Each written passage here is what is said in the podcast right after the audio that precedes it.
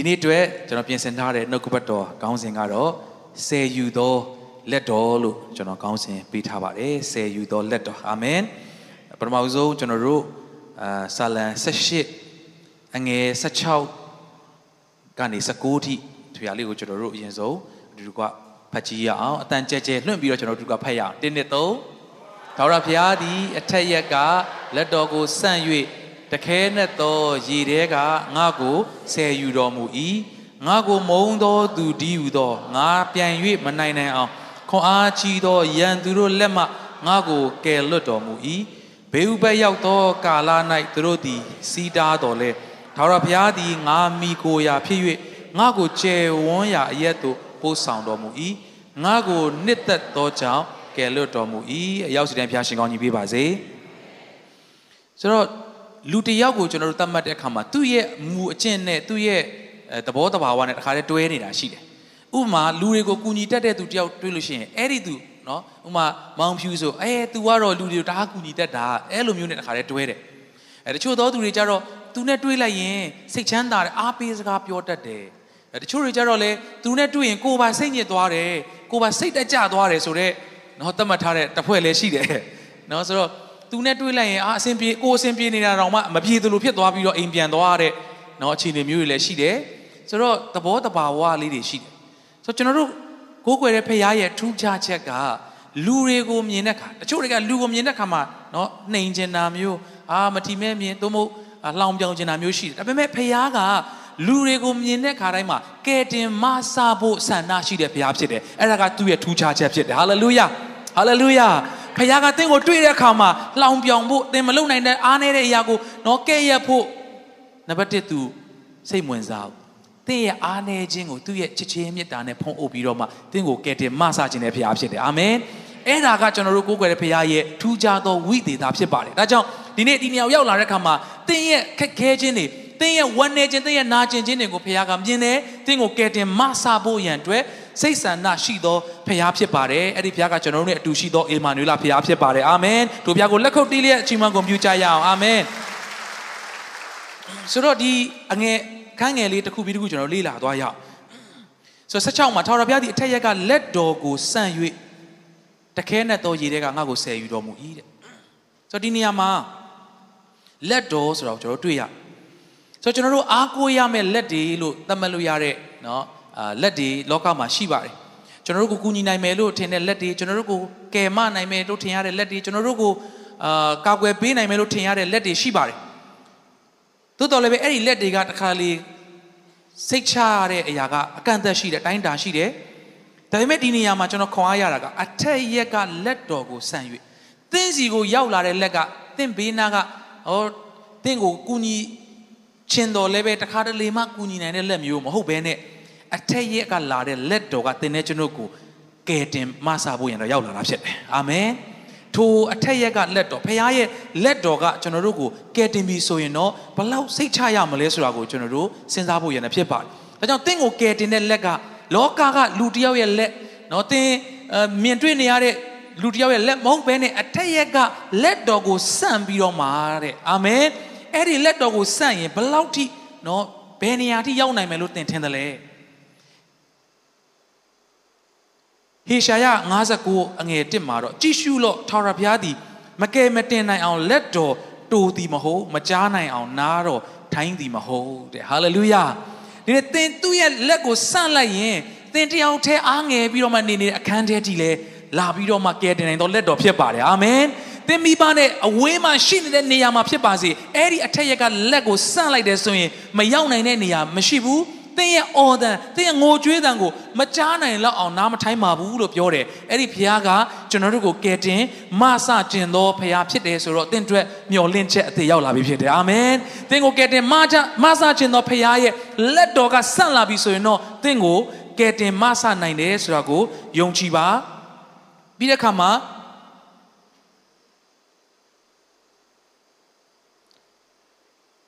တခဲနဲ့သောရည်တွေကငါ့ကို ဆယ်ယူတော်မူ၏တဲ့ဒီຢာကတခဲနဲ့သောရေဆိုတော့ကျွန်တော်တော်လေးစိတ်ဝင်စားတယ်ဆိုတော့မြန်မာကျမ်းစာပဲအဲတခြားဒီဆရာယူရတန်ရဲ့ပြန်ထားတာပါပဲဒါပေမဲ့ပြန်ပြီးတော့ update လုပ်ထားရတာထင်တယ်အဲ့ဒီမှာဆိုရင်အာနဲ့နဲသောရေကနေပြီးတော့မှ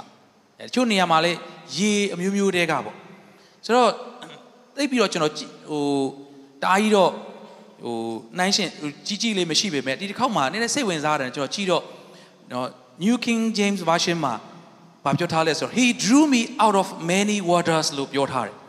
ကျွန်တော်အဲ့ဒါခွန်အားရတယ်သင်ဘလို့ရေတွေထဲမှာနစ်မွန်းလူနေပါဖြစ်နေပြီလဲသင်ကိုစွဲထုတ်ဖို့ရန်အတွက်သူ့ရဲ့လက်တော်ဆန့်တန်းလာပြီဖြစ်တယ်ဟာလေလုယာဟာလေလုယာ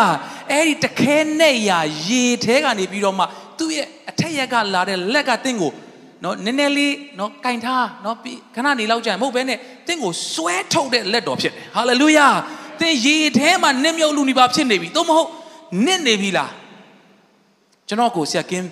ငငယ်တုန်းကနော်ကျွန်တော်နည်းနည်းမှတ်မိနိုင်ုံလောက်ပဲအာရှိသေးတယ်တော်တော်လေးကြောက်စရာကောင်းလို့ကျွန်တော်မှတ်မိတာပေါ့ကျွန်တော်ကလေးမျိုးပြန်ကြပြန်အဖိုးတွေစီပြန်တဲ့ခါမှာတေလုံငန်းကားကြီးတွေနဲ့ပြန်2ရက်3ရက်ကြာပေါ့လေဆိုတော့လမ်းမှာကန်ကောင်းမှလားမသိဘူးနော်ရေချိုးကြရင်းနဲ့ ကျွန်တော်တော်ငယ်သေးတယ်အဲ့နဲ့ကျွန်တော်အမမုံရွာအမကဟာအကိုအကိုရေနစ်နေရေနစ်နေဆိုអော်လိုက်တာ तू ကရေတွင်းပြက်ရှိတယ်အဲ့ထဲမှာ तू ကဟိုမတိပဲနဲ့ဆင်းလိုက်တဲ့အခါမှာရေတို့ရိုးရိုးဒီတိုင်းပဲထင်တာပေါ့ချောင်းလူတွေထင်တာဒါပေမဲ့တားနဲ့တဲ့ရေတွင်းဖြစ်တဲ့အခါမှာတခါမြုပ်သွားတယ်ပြန်ပေါ်လာတယ်တခါမြုပ်သွားနောက်ဆုံးတစ်ခေါက်ပြန်ပေါ်လာတဲ့အချိန်မှာအမကသွားတွေ့တာတွေ့တဲ့ခါကျတော့အမေကလည်းအမကူညီအော်ဟစ်တောင်းတော့ကျွန်တော်မှတ်မိသေးနော်အဲ့အကူကြီးနှစ်ယောက်ကချက်ချင်းဆင်းပြီးတော့မှသူ့ကိုကယ်ပြီးတော့မှ အာတော်တော်ကိုဟိုစိုးရင်စရာကောင်းနေပြီတတိတောင်တိတ်မရတော့ရေတွေလည်းဖြစ်နေပြီအကိုအာသူကြောကုန်းပေါ်တင်းအမျိုးမျိုးပေါ့ဆိုတော့မိယုံကလေးပဲမိလိုက်တာတခဲနဲ့တော့ရေအဲ့ဒီရေတွင်းပြက်ကြီးနဲ့တဲ့ရေထဲမှာသူကျသွားတဲ့အခါမှာ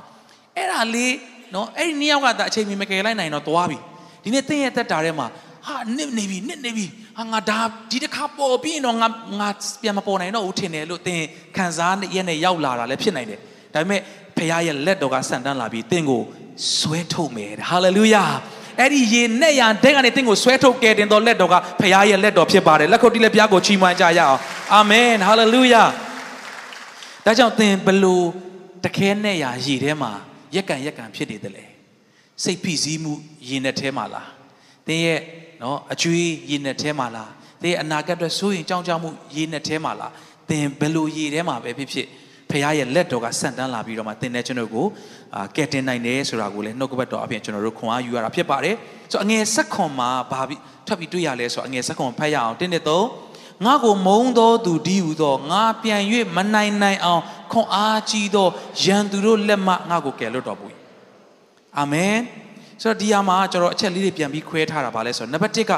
ငါကိုမုံတော်သူနော်ပြောကြည့်ရအောင်ငါကိုမုံတော်သူ ဆိုတော့ကိုယ့်ကိုမုန်းတဲ့သူတယောက်ကတော့เนาะအ ਨੇ ဆုံးတော့เนาะစိတ်နှောက်ယှက်ဖြစ်အောင်เนาะစိတ်ပြက်အောင်ဝမ်းနည်းအောင် လုပ်နိုင်တဲ့သူတယောက်လို့ကျွန်တော်သတ်မှတ်လို့ရပြီးတဲ့ခါမှာအဲ့ဒီသူကတဲ့ငါပြန်၍မနိုင်နိုင်အောင်ခွန်အားကြီးတော်သူကိုယ့်ကိုမုန်းတဲ့သူကသူ့အတူအိပ်ရာထဲမှာလဲပြီးတော့မှเนาะရိုင်နေနေလေးနဲ့ဘာမှမလုပ်နိုင်မပြုတ်နိုင်ဆိုတော့ဘာမှဖြစ်ဘူးလေပြဿနာမရှိဘူးထားလိုက်ပါတော့ဒါပေမဲ့ကိုယ့်ကိုမုန်းတဲ့သူကအားကြီးမယ်ဆိုရင်တော့ဒါနည်းနည်းအန်နေတော့ရှိလာပြီเนาะ အဲ့ဒီအားကြီးတာမှဘယ်လောက်ကြီးလဲဆိုတော့ငါပြန်၍မနိုင်လောက်အောင်အားကြီးတာတဲ့ဒီနေ့တင်ကြုံရတဲ့ပြဿနာကဟာငါအဲ့လောက်ကြီးကြီးမားတဲ့ပြဿနာနဲ့ကြုံမယ်မထင်ဘူးကွာငါဘွားမှာဒီလိုခက်ခဲတဲ့ပြဿနာကြီးနဲ့ငါကြုံရမယ်မှမထင်ထားတာ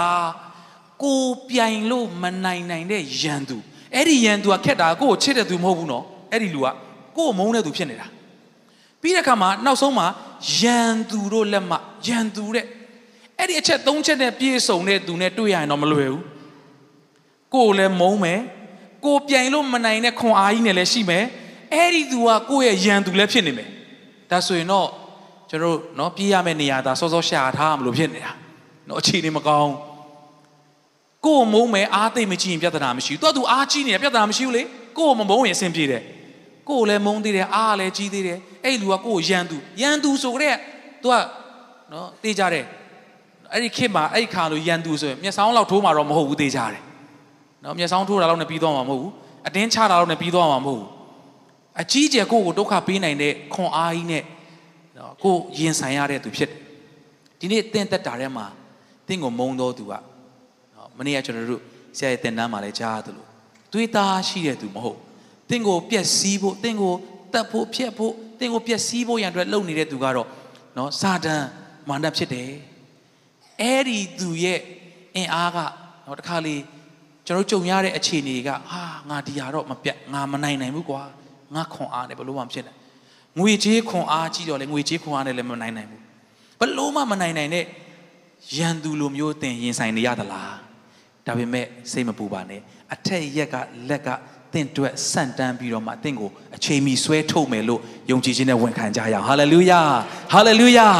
တချို့သောသူတွေကိုနော်ဒီနှုတ်ကပတ်တော်ဘုရားကကြားစီတာအချိန်မီသင်ကြောက်နေတဲ့ရေနဲ့ထဲကနေပြီးတော့မှသင်ကြောက်နေတဲ့ရန်သူနဲ့တွေ့နေရတဲ့အခြေအနေတွေကနေပြီးတော့မှဆွဲထုတ်မယ်တဲ့ဟာလေလုယာ။အိုးသင်ကိုအနှဲငယ်လေးအားပေးတာမဟုတ်ဘူးလွတ်အောင်သူကဆွဲထုတ်မှာဖြစ်တယ်။ဆိုတော့ဒီကျမ်းစာကအားလုံးသိတယ်မဲ့ဆာလံ78ဟာဒါဝိတ်ကရှောလူဘယင်ကသူ့ကိုမချေနှက်ပြီးတော့မှလိုက်သက်တဲ့ယံကနေပြီးတော့မှထွက်ပြေးလွတ်မြောက်တဲ့အချိန်မှာဆက်ဆူခဲ့တဲ့အာဇာလံကျမ်းဖြစ်ပါတယ်။ နော်ကျွန်တော်အားလုံးသိတဲ့အတိုင်းပဲတနိုင်ငံလုံးရဲ့ယံသူလို့ပြောလို့ရတဲ့ဂေါလျက်ကြီးကိုဘယ်သူမှမရှင်းနိုင်ဘူး။ရှောလူကလည်းထွန်မတက်ရဲဘူး။သူ့အကိုတွေတကက်နော်ဟိုယောက်ျားရင့်မာကြီးတွေစစ်သားတွေကလည်းထွက်မတက်ရဲတဲ့အချိန်မှာကလေးလေးဒါဝိဒ်ကလူအနေနဲ့ကြည့်ရင် तू ပြိုင်လို့မနိုင်နိုင်လောက်တဲ့ခွန်အားရှိတဲ့သူပြီးတဲ့အခါမှာသူတို့ကိုမုန်းလို့လို့မနဲ့နော်ထတာနဲ့ဘာမှမလုပ်ရသေးဘူးမင်းတို့ဣသရေလလူမျိုးတွေတတိရှင်ထွက်ခဲ့မင်းတို့ဖျားနဲ့ မင်းတို့အကုန်လုံးစိန်ခေါ်တယ်မင်းတို့ငါ့ကိုလာတိုက်မင်းတို့နိုင်ရင်ငါတို့အားလုံးကြုံခံမယ်ငါနိုင်ရင်တော့မင်းတို့အားလုံးငါတို့ကြုံခံရမယ်အာတစ်ချိန်ပြီးတစ်ချိန်ရပောင်40လုံးလုံးနော်သူတို့ကြီးညာပြီးတော့မှအမြဲတမ်းစိန်ခေါ်ပြီးတော့မှသူ့ကိုစိန်ခေါ်တယ်ဒါဝိဒ်ကသွားတဲ့အချိန်မှာရှောလူကမလုံနဲ့မင်းကလူငယ်လေးတကယ်တေးသေးလေးဟိုကငငယ်တွေက နော်တိုက်ခိုက်ရေးမှာကျွမ်းကျင်ပြီးတော့မှတကယ်ကိုအားရင်ပြည့်ပြီးတော့မှမင်းမနိုင်တော့ဘူးမင်းမလွယ်တော့ဘူးတဲ့ဒီနေ့ဒါဝိဒ်ကဲ့သို့ကျွန်တော်တို့ရှေ့မှာရင်ဆိုင်ရတဲ့ရန်သူကကိုပြိုင်လို့မနိုင်နိုင်လောက်တဲ့အင်အားရှိတယ်လို့မြင်ရတဲ့အခြေအနေပြဿနာဖြစ်နိုင်ပါတယ်ဒါပေမဲ့ဒါဝိဒ်ဘက်မှာဖျားရှိတဲ့အခါမှာအဆုံးမှာဒါဝိဒ်ကသာအောင်မြင်သွားတာဖြစ်တယ်အာမင်သင်နဲ့ကျွန်ုပ်ဘက်မှာရှိသောဖျားက တစ်ဖက်မှာရှိသောယန်သူတဲ့အားကြီးသောဖျားဖြစ်တယ်အာမင်ထိုဖျားရဲ့ခွန်အားနဲ့သင်ရဲ့ယန်သူကိုအနိုင်တိုက်နိုင်သောသူဖြစ်ဖို့ဖျားရှင်ကောင်းကြီးပေးပါစေအာမင်အဲ့တော့မမနဲ့ဆိုထားပြီးတော့ဟိမ့်ပြီးအော်ပြီးအတန်ကြားတာနဲ့ကိုအားလုံးကပုံနေတာဘလောက်တိကြောက်စရာကောင်းတယ်ဆိုတော့ဒီနေ့သင်မနဲ့မိုးလင်းတဲ့အချိန်မှာကြားတဲ့သတင်းစကားကြောင့်သင်ပုံတော့ပုံနေရတဲ့အခြေအနေဖြစ်နိုင်တယ်သင်ထွက်ပြေးခြင်းလောက်အောင်ဖြစ်နေတဲ့အခြေအနေလည်းဖြစ်နိုင်တယ် ဒါပေမဲ့အဲ့ဒီအချက်၃ချက်နဲ့ပြည့်စုံတဲ့ငါ့ကိုမုံသောသူတည်းဟူသောငါပြန်၍မနိုင်နိုင်အောင်ခွန်အားကြီးသောရန်သူတို့လက်ကနေတဲ့ငါ့ကိုကယ်လွတ်တော်မူ၏ကျွန်တော်နောက်ကလိုက်ဆိုစေခြင်းတယ်ကယ်လွတ်တော်မူ၏ဆိုတော့ဘုရားရဲ့ထူးခြားချက်ကလည်းသင်ကိုကယ်တဲ့အခါမှာဘယ်အထိကယ်လဲဆိုတော့နော်တဝက်တစ်ပြက်အထိလွတ်ရုံလောက်မကယ်ပဲနဲ့လွတ်တဲ့အထိသင်ကိုကယ်တင်တော်ဘုရားဖြစ်တယ်ဟာလေလုယာ ငါ့ကိုကယ်တယ်ဆိုတာနဲ့ရက်ထားရင်ဟုတ်တယ်ကယ်တာဟုတ်တယ်လွတ်သွားရလားတကယ်နော် safe ဖြစ်သွားရလားဒါရှိသေးတယ်ဖခင်ကသင်နဲ့ကျွန်တော်ကယ်တဲ့အခါမှာကယ်လွတ်တယ်တဲ့သင်လွတ်မြောက်တဲ့အထိသင်နဲ့ကျွန်တော်ကိုကယ်တင်တော်ဖခင်ရဲ့လက်တော်ဖြစ်ပါတယ်အာမင်ဒါကြောင့်သင်လွတ်မြောက်တဲ့အခါမှာသင်ရဲ့ခန္ဓာရောစိတ်ရောဝိညာဉ်ရောလွတ်မြောက်ပြီးတော့မှတကယ်ပဲရှင်လန်းစွာနဲ့ဒီနေရာတွေပြန်သွားဖို့ရန်အတွက်ဘုရားသခင်ကောင်းကြီးပေးပါစေ ဆက်ရှိအငယ်ဆက်ရှိမှာဘေးဥပတ်ရောက်သောကာလသူတို့သည်စီးတားတော်လေထာဝရဘုရားသည်ငါမိခိုရာဖြစ်၍ဆိုတော့ဘေးဥပတ်ရောက်သောကာလဆိုတဲ့အခါမှာနော်ကျွန်တော်တို့ဒုက္ခတွေဝင့်ရံပြီးတော့မှဘေးဥပတ်ရောက်တာဒါဝိတ်ကလည်းနော်လူတစ်ယောက်နှစ်ယောက်လောက်ကသူ့ကိုစိတ်ဆိုးပြီးတော့မှလာပြီးတော့မှရန်ရှာတာမဟုတ်ဘူး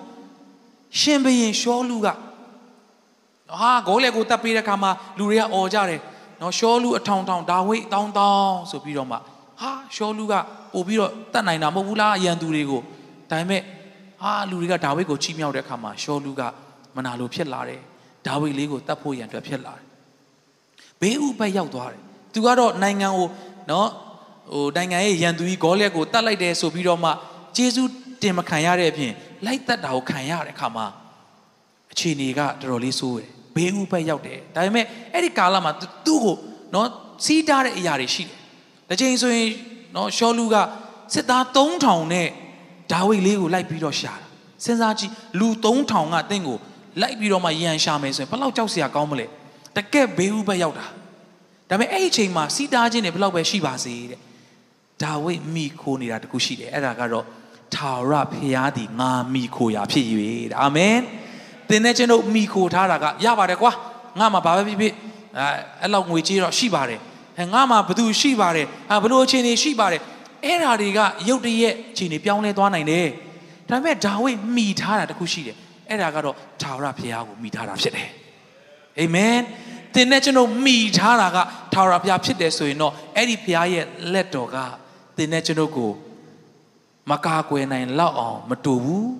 မချားနိုင်လောက်အောင် နားမထိုင်ဘူးဆိုတာကိုကျွန်တော်တို့နားလည်ဖို့ရန်အတွက်ဖြစ်ပါတယ်ဒါကြောင့်သင်ဘေးဥပတ်ရောက်တဲ့ကာလလိုမျိုးခံစားပါစေသင်မိထားတဲ့ຢာကဘာလဲကျွန်တော်ဘေးဥပတ်တယောက်နဲ့တယောက်တူမှာမဟုတ်ဘူးเนาะတယောက်နဲ့တယောက်ဒီချိန်မှာကျွန်တော်တို့ခွန်အားပေးနေရတော့လည်းပဲလူအနေနဲ့ဆိုရင်တော့ကိုယ်အခြေအနေသူ့အခြေအနေရှိတယ်ဘလို့မှအာညှော်နှင်းချက်မရှိသလိုခံစားတဲ့အခြေအနေရှိတယ်เนาะတစ်ခါလေကြာရင်သူခံစားတော့ကိုမခံစားတဲ့အခါမှာဟိုသူ့ သူ့အတိုင်းတရားရခိုင်နှုန်းတော့နားမလည်နိုင်တာလည်းအများကြီးရှိပါတယ်။တော့ကျွန်တော်ခံစားတဲ့ရာကိုဒီမှာရှိတဲ့သူတွေတရားရခိုင်နှုန်းနားလည်ချင်မှနားလည်မယ်။သို့တော်လည်းပဲထိုးအခြေအနေမျိုးမှာကျွန်တော်တို့မိခိုစရာရှိနေတယ်။ဒါကြောင့်ကျွန်တော်တို့မှာမျှော်လင့်ချက်ရှိနေတယ်။အဲ့ဒီမိခိုစရာရှိနေသေးတာကကျွန်တော်တို့အတွက်ကြီးမားသောခွန်အားဖြစ်ပါတယ်။ဒါကြောင့်သင်နဲ့ကျွန်တော်ဟာမိခိုရာမဲ့တော်သူတွေမဟုတ်ဘူး။ကျွန်တော်တို့မှာမိစရာထာဝရဘုရားရှိတယ်အာမင်အနာမှာရှိတဲ့သူပြောရအောင် ငါတို့ကမိခိုစရာမဲ့တွေမဟုတ်ဘူးလို့ပြောရအောင်မိခိုရာမဲ့တဲ့သူတွေမဟုတ်ဘူးဟာလေလုယာထာဝရဘုရားငါဤမိခိုရာဖြစ်တယ်လို့ထပ်ပြောပါအောင်အာမင်ထာဝရဘုရားဟာငါဤမိခိုရာဖြစ်တယ်တို့ဘုရားကိုလက်ခုပ်တီးလျက်ချီးမွမ်းကြရအောင်ကိုပြုကြရအောင်အာမင်အငယ်16မှာငါကိုကျယ်ဝန်းရာအရက်သို့ပို့ဆောင်တော်မူ၏တဲ့ကျင်းမြောင်းခြင်းဆိုတာလူတွေကိုတကယ်ကိုပင်ပန်းစေတယ်တကယ်ခက်ခဲစေတယ် ကျင်းမြောင်းခြင်းဆိုတာမြင်ရတဲ့အဆောက်အုံအဲကျင်းမြောင်းတာမျိုးအဲ့ဒါလဲပါရင်ပါမှာပေါ့နော်ဒါဝိဒ်ကပြေးလွှားနေရတာတခါတည်းတခါလေးကူထဲမှာဥမင်ထဲမှာပုံရတယ်တကယ်ကိုမြင်ရတဲ့ကျင်းမြောင်းတဲ့နေရာမှာနေရတာလည်းရှိသလိုနော်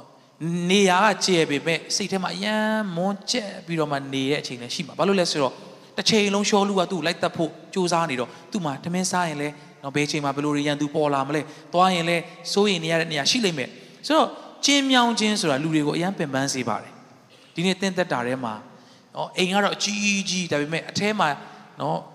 တယောက်တည်းနေနေနဲ့ကျင်းကျက်ပြီးတော့မှတယောက်တည်းနော်ကျင်းမြောင်းရအရက်ကိုရောက်တယ်လို့ခံစားနေရတာ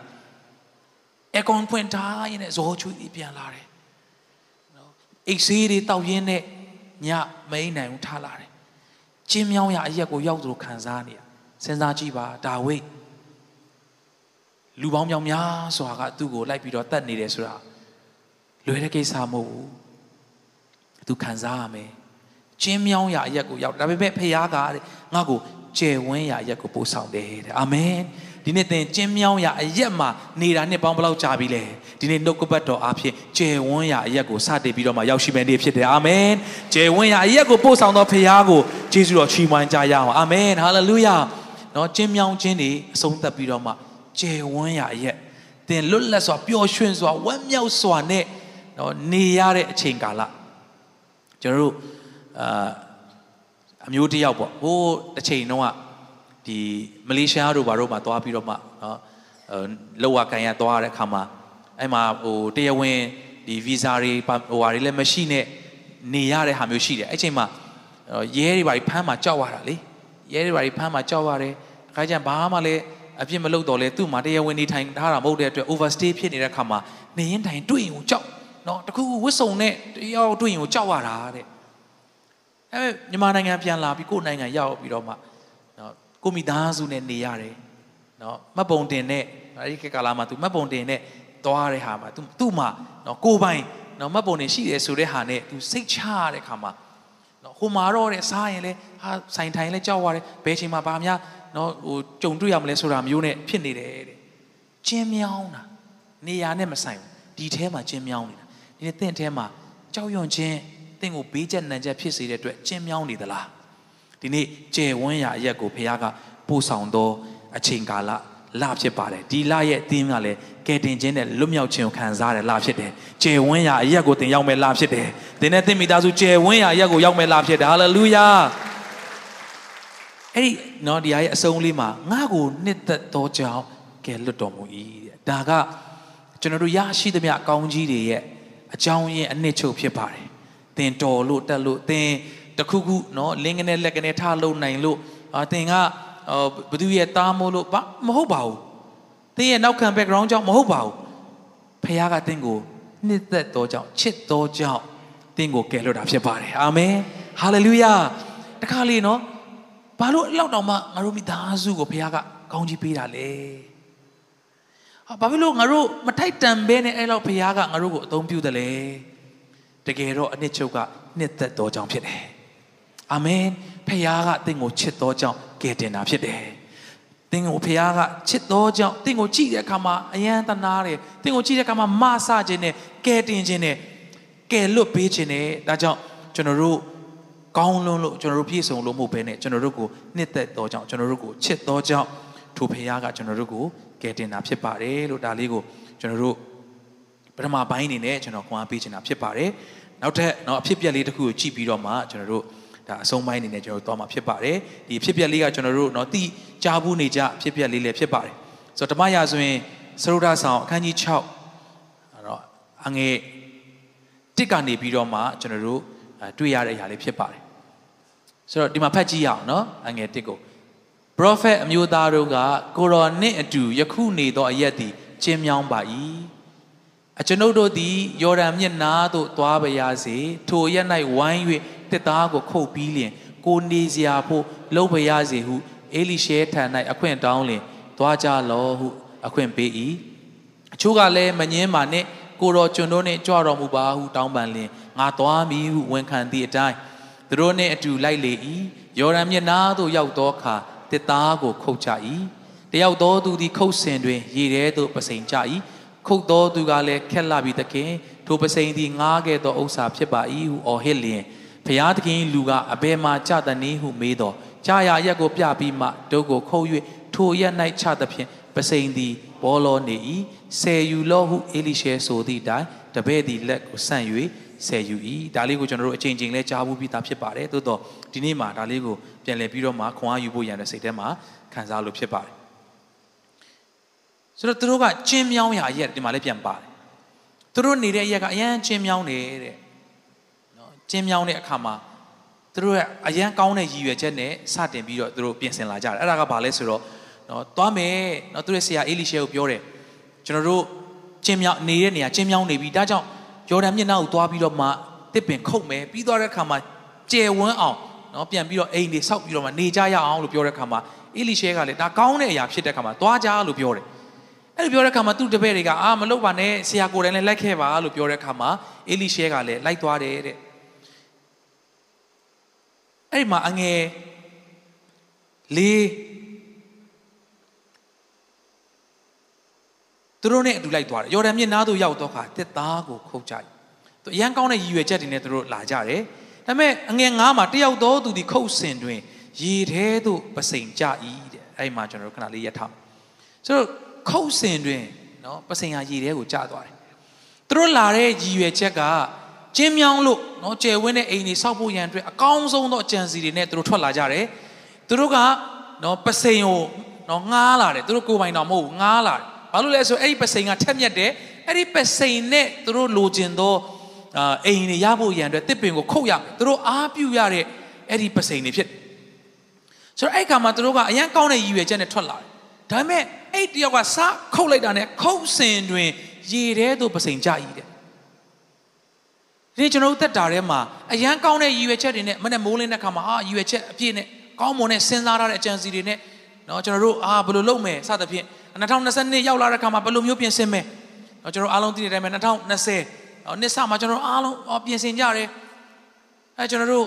ဒီကျွန်တော်အတင်းတော်ရုံးခန်းတွေကပြက်ကလေးက2020เนาะ March လကိုဗစ်ဖြစ်ပြီးတဲ့ခါမှာကျွန်တော်တော်တော်နဲ့ဒီကိုမရောက်တော့ဆိုတော့လပေါင်းများစွာကြာတဲ့ခါမှာပြန်ပြီးတော့မှအခန်းထဲကို ဝင်လဲတဲ့ခါမှာအခန်းထဲကပြက်ကလေးက March လမှာစာရွက်လေးကမလန်ရသေးဘူး March လမှာပဲရက်ကျွန်တော်တို့မှာအစီအစဉ်တွေအများကြီးရှိတယ် April လမှာဆိုရင်ကျွန်တော်တို့ camp လုပ်မယ်ဆိုပြီးတော့မှဒီနော်မူဘောတောင်နော်တန်တောင်ကြီးမှာကျွန်တော်ဆူတောင်းဖို့ဆူတောင်းတောင်မှာကျွန်တော်တို့ဒီ camp လုပ်ရင်းနဲ့အာဆူတောင်းဖျားနဲ့အချိန်ယူကြမယ်နော် camp ကိုကျွန်တော်တို့လုပ်ကြမယ်ဆိုပြီးတော့မှနော် bus တွေလည်းကျွန်တော်ဆယ်ရန်နေတောင်ပေးပြီးသွားပြီဒါပေမဲ့အဲ့ဆယ်ရန်တွေလည်းမရတော့နော်အခုချိန်ထိရှုံးသွားတယ်ဆယ်ရန်ကနော်အကောင်းဆုံးပြင်ဆင်တာပဲ အကောင်းဆုံးเนาะအစီအစဉ်တွေနဲ့အကြံစီတွေနဲ့နှစ်တစ်ကိုအစားပြုတယ်နေ့တစ်ကိုအစားပြုတယ်เนาะဒါပေမဲ့သူတို့မကောင်းတာကြံစီတာမဟုတ်သူအကောင်းဆုံးเนาะခုံမယ်ပြီးရင်တော့အိမ်နေအကောင်းဆုံးစောက်ပြီးတော့မှကျယ်ဝန်းတဲ့ရက်မှာနေမယ်ဆိုပြီးတော့မှအကောင်းဆုံးကြံစီပေမဲ့ခုတ်စင်မှာအဲ့ဒီပစင်ကရေထဲကိုကျသွားတယ်ဒီနေ့တင်းသက်တာထဲမှာအကောင်းဆုံးပြင်ဆင်နေရင်းနဲ့ပဲစပြီးတော့မှတင်းကိုဖျားပေးထားတဲ့အရေးချင်းတွေနဲ့เนาะဟို အကောင်းဆုံးနေနဲ့စပြီးတော့မှလှုပ်တော့မဲရှိသေးတယ်ခုတ်စင်မှာပင်လင်ရေထဲကိုပစိန်ကျသွားသလိုသင်ကြုံတွေ့ခံစားရတယ်ဆိုရင်လေဒီနေ့နှုတ်ကပတ်တော်ကသင်အတွက်ရောက်လာပြီဆိုတာကိုယုံကြည်ခြင်းနဲ့ပြောချင်တယ်အာမင်သင်ရဲ့ပစိန်တွေကျသွားလို့ဝန်းနေပြီးတော့မှဟာလုံးဝကိုတော့စုံစုံမြုပ်ပြီးလို့သင်ခံစားရတဲ့အခြေအနေလည်းရှိနိုင်တယ်ဒါပေမဲ့ဖခင်ရဲ့နှုတ်ကပတ်တော်ကိုကျွန်တော်တို့ကိုမျှော်လင့်ချက်ပေးပါတယ်ဆက်ပြီးတော့မှကျွန်တော်တို့ကြည့်ရအောင်အငယ်6မှာဘုရားသခင်လူကားတဲ့ အဘယ်မှာကြတဲ့နီးဟုမေးတော့ကြာရရက်ကိုပြပြီးမှဒုက္ခခုတ်ရထိုရက်၌ချတဲ့ဖြင့်ပစိန်ဒီပေါ်လို့နေ၏ဆိုတော့ဒီနေရာမှာကျွန်တော်ဟိုအရင်တော့ကလည်းတစ်ခါပြောမှုတယ်ထင်ပါတယ်เนาะဒီကျမ်းစာလေးဖတ်တဲ့အခါမှာဝိညာဉ်တော်ဘုရားကဒါလေးကိုဒီလိုမျိုးခွန်အားယူစေတယ်ဘုရားရဲ့လူကအေးကြသွားတယ်အာမင်းကလည်းကွာအသေးချာမကန်ဘူးမလုပ်ဘူးမင်းမင်းတော်တော်ညံ့တာပဲဖဲမင်းဖဲငါငါလုတ်ပေးမယ်ဆိုပြီးတော့မှနော်လှုပ်ရှားရှိတာလှုပ်သွားတာမဟုတ်ဘဲနဲ့ဘာရင်ဆုံးမေးလဲဆိုတော့ အဘယ်မှာကြသနည်းလို့အရင်မေးတယ်ပြောကြည့်အောင်အဘယ်မှာကြသနည်းအာမင်သူရဲ့ပစိန်ကြသွားပြီဒါပေမဲ့ဘုရားလူကတေချာမေးတယ်ဘယ်မှာကြသွားတယ်လဲတဲ့အဲ့ဒီလူကလည်းတေချာပြနိုင်တယ်ဒီနေရာမှာကြသွားပါတယ်လို့သူကအတိအကျနော်ကြရအရက်ကိုပြနိုင်တယ်တဲ့နေ့ကျွန်တော်တို့အသက်တာထဲမှာတင့်ရဲ့ဝမ်းမြောက်ခြင်းဆုံးရှုံးသွားတယ်ဘ ယ်တော့မှလဲသင်ဖះကိုအားကိုးသလိုဖြစ်နေရင်နဲ့တစ်ချိန်မှာအားမကိုးတော့ဘူးတစ်ချိန်မှာအာတခုဆိုရင်အရင်တော့ကတခုကြုံတာနဲ့အာဆူတောင်းခြင်းနဲ့ဖះကိုကိုးစားခြင်းနဲ့တွားဒါပေမဲ့မသိလိုက်တဲ့အချိန်မှာဖះကိုအားကိုးတာထက်တခြားအရာကိုအားကိုးတဲ့အရာကနေရာယူလာတာဘယ်လောက်ကြာသွားပြီလဲတကယ်လို့သာနော်တင့်ကိုတင့်ရဲ့ဝမ်းမြောက်ခြင်းဘယ်ဘယ်ချိန်မှာဘယ်နေရာမှာဆုံးရှုံးသွားတာလဲမေးရင်တင့်မှာပြစရာနေရာဆုံးရှုံးသွားတဲ့ နော်အချိန်သို့မဟုတ်အရက်ပြစရာရှိရလားတချို့လည်းလွန်ခဲ့တဲ့နှစ်နှစ်တုန်းကဘယ်ဖြစ်ပျက်ကိုကြုံရတယ်အဲ့ဒီတုန်းကစပြီးတော့မှကျွန်တော်ကစုမတောင်းဖြစ်တော့တာစသဖြင့်တယောက်နဲ့တော့တူမှာမဟုတ်တင့်ရဲ့ပစိန်တွေကျသွားတဲ့နေရာဒီနေ့မှတ်မိဖို့ရန်အတွက်အရေးကြီးတယ်ထိုနေရာကိုပြပြီးတော့မှဖခင်ကတင့်ကိုပြန်ပြီးတော့မှဆယ်ယူခွင့်ပေးမယ်နေ့ဖြစ်တယ်ဟာလေလုယာဟာလေလုယာဒီနေ့သင်ရဲ့ဝမ်းနေခြင်းဘယ်နေရာမှာကြာတော့စတင်ခဲ့တယ်လဲသင်ရဲ့ငြိမ်သက်ခြင်းတွေဘယ်နေရာမှာကြာပြောက်သွားတယ်လဲ ဟိုရင်တုန်းကမကြောက်တတ်တဲ့မသိမစိုးရင်တတ်တဲ့သူကအခုချိန်မှာမသိလိုက်တဲ့အချိန်မှာတခုဆိုတာနဲ့အရန်စိုးရင်တတ်တဲ့သူတယောက်ဖြစ်နေပြီဟာငါဘယ်တော့မှအဲ့လောက်ထိစိုးရင်တတ်သွားတယ်ငါဘယ်တော့မှအဲ့လိုတွေဖြစ်သွားတယ်လဲငါဘယ်တော့မှဘုရားကိုအာမကိုတော့တာလဲငါဘယ်တော့မှနော်စုမတောင်းတာတော့တော်တော်ကြာသွားပြီငါဘယ်တော့မှလဲဒီနေ့ဘုရားကတင့်ကိုမေးတယ်နှုတ်ကပတ်တော်အဖြစ်ငါသားငါသမီးမင်းဘယ်နေရာမှာပစိန်လွတ်ကြသွားတယ်လဲဘုရားကိုဒီနေ့ရိုးရိုးလေးပဲကျွန်တော်တို့ ပြန်ပြောဖို့ရလည်းဖြစ်ပါတယ်အဲ့ဒီသူကကြာသွားတဲ့နေရာကိုသေချာသိတယ်ဒီနေရာမှာကြာတာပါသခင်တဲ့ဒီနေ့သင်ဖရားထဲမှာအာချီခြင်းတွေဖရားထဲမှာနော်စိုက်ပျိုးခြင်းတွေဖရားကိုအားကိုးခြင်းတွေကြပြောက်သွားတယ်ဆိုရင်လွတ်ကျသွားတယ်ဆိုရင်ဒီနေ့အဲ့ဒီနေရာမှာဘုရားကပြန်လဲပြီးတော့မှဆယ်ယူပေးမယ်ဆိုတာကျွန်တော်တို့ယုံကြည်ကြရအောင်အဲ့ဒီခါမှာ ဒုတ်ကိုခုတ်၍ထိုရက်၌ချသဖြင့်ပစိန်သည်ပေါ်လောနေ၏တဲ့နော်ဒုတ်လို့ပြောတဲ့ခါမှာကျွန်တော်ဒါကိုလည်းကျွန်တော်ဝိညာဉ်ထဲမှာကျွန်တော်နားလေတဲ့ຢာကနော်နားမှာရှိတဲ့တစ်ပင်ပေါ့တစ်ပင်တစ်ပင်ကိုဒီဂိုင်းကိုချိုးလိုက်တာဖြစ်ပြီနော်ဒုတ်ကိုယူပြီးတော့မှတစ်ပေါ့နော်ဆိုတော့အဲ့ဒီဘုရားဘယ်လိုကျွန်တော်ကိုခံစားစီလဲဆိုတော့အဲ့ဒီတစ်ဆိုတဲ့ຢာကကားတိုင်းတော်တရားဖြစ်တယ်လို့ဘုရားကဖော်ပြတယ်အာမင် အဲ့ဒီဒုတ်ကိုတဲ့အဲ့ဒီကြတဲ့နေရာမှာချလိုက်တဲ့ခါမှာပစိန်သည်ဘောလောနေအောင်စရာကြီးနော်ပစိန်ဆိုတဲ့အမျိုးဟာနော်ကြပြီးသွားရင်ဟိုးချမ်းမြေတိကြဖို့ပဲရှိတယ်အပေါ်တက်လာစရာအကြောင်းမရှိဘူးဒါပေမဲ့အဲ့ဒီကြတဲ့နေရာကိုအဲ့ဒီဒုတ်လေးအဲ့ဒီတစ်သားလေးကိုချလိုက်တာ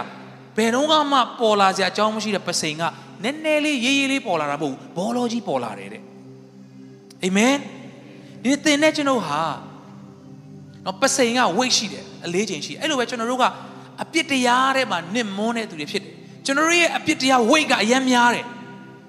နော်ကျွန်တော်တို့ကောင်းမှုကုသိုလ်လုပ်တဲ့နော်နည်းနည်းတော်တော်လှုပ်လာပြီးထင်ပေမဲ့အဲ့ဒါရဲ့အစပေါင်းများစွာမကောင်းတဲ့အရာကပိုပြီးများနေတယ်ကျွန်တော်တို့တက်တာထဲမှာကျွန်တော်ရဲ့တက်တာထဲမှာအကောင်းဆုံးနေမယ်လို့ကျွန်တော်စဉ်းစားတယ်သို့တော့စဉ်းစားတာပဲရှိသေးတယ်မကောင်းတဲ့အရာတွေအများကြီးစဉ်းစားမိတယ်ဒီဘက်မှာ weight ကပိုများနေတယ် ပစိန်လိုပဲကျွန်တော်တို့ကဟိုးချမ်းပြင်ထီကိုကြာသွားတဲ့သူတွေကြာသွားမဲ့သူတွေဖြစ်တယ်ဒါပေမဲ့ဒီနေ့သင်နဲ့ကျွန်ုပ်တို့ရဲ့မျှော်လင့်ချက်ရှိအဲ့ဒါကတော့ကားတိုင်းတော်တရားကသင်နဲ့ကျွန်ုပ်ရဲ့နော်ဘလောက်ပဲလေးလံတဲ့အပြစ်ပဲရှိပါစေဟိုးအောက်ထိကျသွားတဲ့အရာပဲဖြစ်ပါစေဒီနေ့ဂျေဇုတော်ကသင်ကိုအပေါ်ကိုပြန်ပြီးဆယ်ယူတော့ဖခင်ရဲ့ဂျေဇုတော်ဖြစ်ပါတယ်ဟာလေလုယာဟာလေလုယာသင်နဲ့ကျွန်တော်ဘလောက်ပဲဟိုးအောက်ထိနစ်မြုပ်နေပါစေဒီနေ့ကားတိုင်းတော်တရားတို့တစ်တိုင်တော်တရားက ကျွန်တော်တို့နစ်မြုပ်သွားတဲ့နေရာကနေပြီးတော့မှပြန်လဲပြီးတော့မှဆယ်ယူပြီးတော့မှဘောလုံးပေါ်စေတယ်အာမင်ဟာလေလုယာသင်ဘယ်တော့မှထို့အတူပဲဘယ်တော့မှပြန်ပြီးတော့မှမရနိုင်ဘူးလို့ထင်ထားတဲ့သင်ရဲ့မျှော်လင့်ခြင်းတွေသင်ရဲ့ပစိန်ကဲ့သို့သောသင်အားကိုးရတဲ့အရာတစ်ခုသင်ဘဝမှာဆုံးရှုံးသွားသလိုခံစားရတယ်ဆိုရင်ဒီနေ့ထိုကားတိုင်းတော်တရားထိုဂျေဇုတော်တရားကသင်နဲ့ကျွန်တော်ကိုပြန်လဲဆယ်ယူတယ်မောရှိ သူ့ရဲ့နာမည်ရဲ့အတိတ်ပဲကရေထဲကနေဆယ်ယူတယ်တဲ့ဘာလို့လဲဆိုတော့သူကဒီသူမွေးတဲ့အချိန်မှာရှင်ဘရင်ကနော်သူတို့လူမျိုးတွေကိုနော်ချိုးနှိမ်ခြင်းတဲ့အတွက်သူတို့တစ်ချိန်မှာအနိုင်ယူသွားမှဆိုတဲ့အတွက်ယောက်ျားလေးမွေးရင်တတ်ဆိုတဲ့ခစ်ကြီးထဲမှာမောရှိကမွေးဖွားလာရတယ်ကျမ်းစာသိစိတ်မဖတ်တော့ဘူးအသူ့မေကတအားချစ်တဲ့ခါမှာထိမ့်သိမ့်ထားတယ်၃လကြာတဲ့ခါမှာဘလို့မှထိမ့်သိမ့်လို့မရတဲ့အတွက်နော်ပကက်လေးလှုပ်ပြီးတော့မှ အိုးဂိုင်းတော်နားမှာညစ်နားမှာသွားပြီးတော့မှထားထားတယ်ဘလောက်နာကျင်မလဲသူ့ရဲ့ချစ်တဲ့သားရေထဲမှာသူမျောလိုက်ရတယ်ဒါပေမဲ့ဖြစ်ချင်တော့အဲ့ဒီနော်ယောက်ျားလေးမွေးလာအကုန်တက်လို့ပြောတဲ့အရှင်ဘုရင်ရဲ့သမီးတော်ကရေရေစင်းချိုးတဲ့အချိန်မှာအဲ့ဒါလေးတွေ့သွားတယ်တွေ့တဲ့ခါမှာခေါ်လာကြည့်တဲ့ခါမှာအရင်ချစ်စရာကောင်းတဲ့ကလေးလေးတယောက်မြင်တဲ့ခါမှာသူကချစ်ပြီးတော့မှတနာပြီးတော့မှမွေးစားလိုက်တယ်ဟာအဲ့ဒီအချိန်မှာသူ့ရဲ့အမ နော်မိရိယန်ကတွေ့ပြီးတော့မှဟာသူ့ကိုနို့တိုက်ဖို့ဟေးဘဲအမျိုးအမျိုးသမီးတယောက်ကိုတော့ခေါ်ပေးရမလားဆိုပြီးတော့မှသူကပြောတဲ့ခါမှာတော့ခေါ်ပါဆိုတော့သူ့အမေရင်းကိုခေါ်ချလာတယ်မိရိယန်ကအဲ့ခါမှာမောရှေရဲ့အမေကမောရှေကိုနော်လာကစားပြီးတော့မှသူ့သားသူနို့တိုက်တယ်ဒါပေမဲ့ဖះကြံစီရလေနော်အစိုးကိုကြံစီတဲ့အခြေအနေကြားထဲမှာဖះကအကောင်းဆုံးတင့်တွက်ကြံစီပေးနိုင်တယ်ဆိုတာယုံကြည်ပါ ဟာလေလုယာကျွန်တော်ဘာလို့သဘောကျလဲဆိုတော့ဒီယောက်ျားလေးမွေးရင်တတ်ရမယ်ဆိုတဲ့အမိန့်ကိုထုတ်တဲ့ဘယင်လက်ထက်မှာမွေးလာတဲ့မောရှေဟာအဲ့ဒီအခြေအနေကြားထဲမှာမိရိယန်သူ့မေကိုသွားခေါ်ပြီးတော့မှရိုးရိုးအမျိုးသမီးတယောက်ကိုနှုတ်တိုက်ခိုင်းတယ်လို့မျိုးနဲ့ခေါ်လာတဲ့ခါမှာသူ့မေကသူ့သားရင်းကိုနှုတ်တိုက်ရင်းနဲ့ပတ်စံလဲရတယ်ခချင်းငွေလည်းအများကြီးရတယ်ဖះပြင်ဆင်ပေးတဲ့ခါမှာနော်တည်သွားမဲ့ကလေးလေးဟာမတည်တဲ့အပြင်သူ့မေကသူ့သားသူနှုတ်တိုက်ရင်းနဲ့ပတ်စံကရသေးတယ်အဲ့လောက်ထိကောင်းမြတ်တဲ့အကြံစီထဲမှာဟာလေလုယာ ဒီနေ့တင့်ကိုလဲကျသွားဖို့လုပ်တဲ့အခြေအနေမျိုးမျိုးရှိလိမ့်မယ်ဒါပေမဲ့အဆုံးမှာအကောင်းဆုံးအကြံစီကတင့်အသက်တာထဲမှာရောက်လာမှာဖြစ်တယ်ဟာလေလုယာလက်ခုပ်လက်ပြားကိုချီးမွမ်းရအောင်အာမင်ဘလောက်တောင်ကောင်းတဲ့အကြံစီဖြစ်သွားလဲဒါကြောင့်ရေထဲကဆယ်ယူထားတဲ့မောရှိကဲ့သို့ဒီနေ့သင်တဲ့ကျွန်တော်ဟာအပြစ်တရားထဲမှာပစိန်ကဲ့သို့ဟိုးကြမ်းကင်းကိုရောက်နေတဲ့သူတွေဖြစ်ပါတယ်ဒါပေမဲ့ဘယ်တော့မှပြန်မပေါ်လာနိုင်တော့တဲ့အခြေအနေမှာကားတိုင်းတော်တရားတစ်တိုင်တော်တရားက သင်တဲ့ကျွန်တော်ကိုပြန်လဲပြီးတော့မှဘောလောပေါ်စေတယ်သင်ရဲ့အပြစ်တရားဝိတ်ကဘလောက်ပဲများပါစေသင်ရဲ့အခက်အခဲပြဿနာတွေဘလောက်ပဲဝိတ်များပါစေသင်ရဲ့ဝန်ထုတ်တွေဘလောက်ပဲဝိတ်များပါစေဟိုကြမ်းခင်းတိရောက်ပြီးသားဖြစ်ပါစေဒီနေ့ဖခင်ကကယ်ပြီဆိုရင်လေလွတ်မြောက်တဲ့တိကယ်တယ်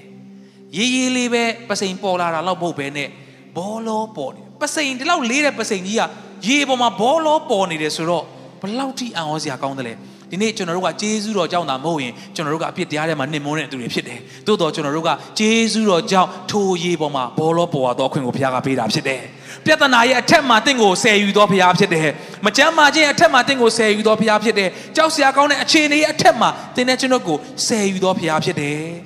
။ဒီနေ့ကျွန်တော်တို့ဘက်ကတင်ပစိန်ဘယ်နေရာမှာကြာသွားတယ်။တင်ဘယ်နေရာမှာဝမ်းမြောက်ခြင်းဆုံးရှုံးသွားလဲ။သ င်ဘယ်နေရာမှာငြိမ်သက်ခြင်းဆုံးရှုံးသွားတယ်လဲသင်ဘယ်နေရာမှာဖျားထဲမှာတက်ကြွခြင်းတွေဆုံးရှုံးသွားတယ်လဲဒီနေ့ပြန်လဲပြီးတော့မှဆယ်ယူခြင်းကျွန်တော်တို့ခံယူကြရအောင်အဆုံးလေးမှာငယ်ခွန်မှာဆယ်ယူလို့ဟုအေလိရှဲဆိုသည့်တိုင်တပည့်သည်လက်ကိုဆန့်၍ဆယ်ယူ၏အဲ့ဒီချက်ကလည်း เนาะကျွန်တော်စိတ်ထဲမှာတမျိုးဖခင်ကစကားပြောတယ်မိတ်ဆွေသို့မဟုတ်ကျွန်တော်သာဆိုရင်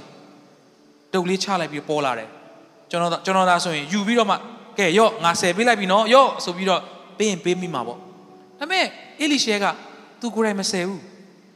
ဘသူကိုဆယ်ခိုင်းလဲအဲ့ဒီကြသွားစေတဲ့တပည့်ကိုပဲ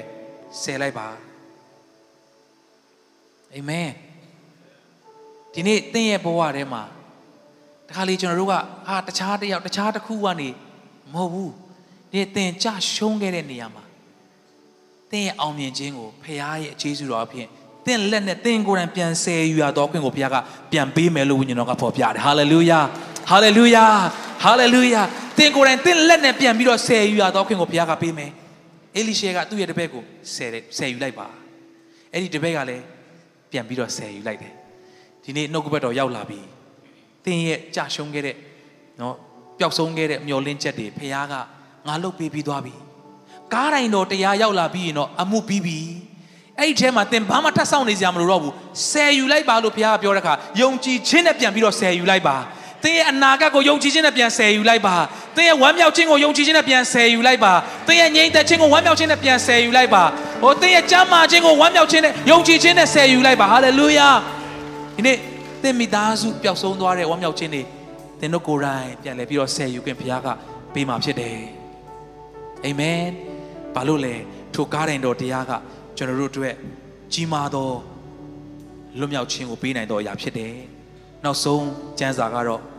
တေကောခန်းကြီး1အငယ်18ဖြစ်ပါတယ်တေကောခန်းကြီး1အငယ်18မှာအကြောင်းမူကားဆုံးရှုံးခြင်းသို့ရောက်သောသူတို့၌လက်ဝါးကားတိုင်တော်တရားသည်မိုက်သောတရားဖြစ်၏ကယ်တင်ခြင်းသို့ရောက်သောငါတို့၌ထိုတရားသည်ဖျားသခင်ဤတကိုးတော်ဖြစ်၏ဟာလေလုယာနားမလဲတဲ့သူတော့ဒုက္ခလေးတစ်ချောင်းဘာထူးလို့လဲဘာလေးချောက်လုံနေရလဲ နားလေတဲ့သူတော့အဲ့ဒီကားတိုင်တော်တရားကကျွန်တော်တို့ကိုဆယ်ယူသောခြေဆုတော်ဖြစ်သွားတယ်ကျွန်တော်တို့ကိုလွတ်မြောက်စေသောကားတိုင်တော်ဖြစ်သွားတယ်ဒါကြောင့်ဒီလမှာကယ်တင်ခြင်းနဲ့လွတ်မြောက်ခြင်းခံစားတဲ့လတခြားလက်တစ်ခုကြောင့်တခြားအရာတစ်ခုကြောင့်သင်ကယ်တင်ခြင်းခံရမှာမဟုတ်ဘူးဖခင်ရဲ့လက်တော်ထိုကားတိုင်တော်ထိုတစ်တိုင်တော်တရားထိုကယ်တင်ခြင်းခြေဆုတော်ကြောင့်သင်နဲ့ကျွန်တော်ဟာဆယ်ယူပြီးတော့မှထိုပြဿနာတွေရဲ့အထက်မှာဘောလောပေါ်ရတော့အခွင့်ထို ဝမ်းနေခြင်းတွေရဲ့အထက်မှာဘောလောပေါ်ရတော့အခွင့်ထိုငိုကြွေးခြင်းတွေရဲ့အထက်မှာဘောလောပေါ်ရတော့အခွင့်ကိုဘုရားကပြန်လဲပြင်ဆင်ပေးမယ်ဆိုတာကျွန်တော်ယုံကြည်ဖို့ရန်လည်းဖြစ်ပါတယ်။ဒါကြောင့်ဒီနေ့ကျွန်တော်တို့အတူတူကစက္ကန့်နံဖို့ဖြစ်တယ်။ရှိတဲ့ညမှာခဏလေးကျွန်တော်တို့အတူတူကမတည့်ရက်ပြီးတော့မှဘုရားမျက်မှောက်တော်ထဲမှာကျွန်တော်တို့တိုးဝင်ကြရအောင်။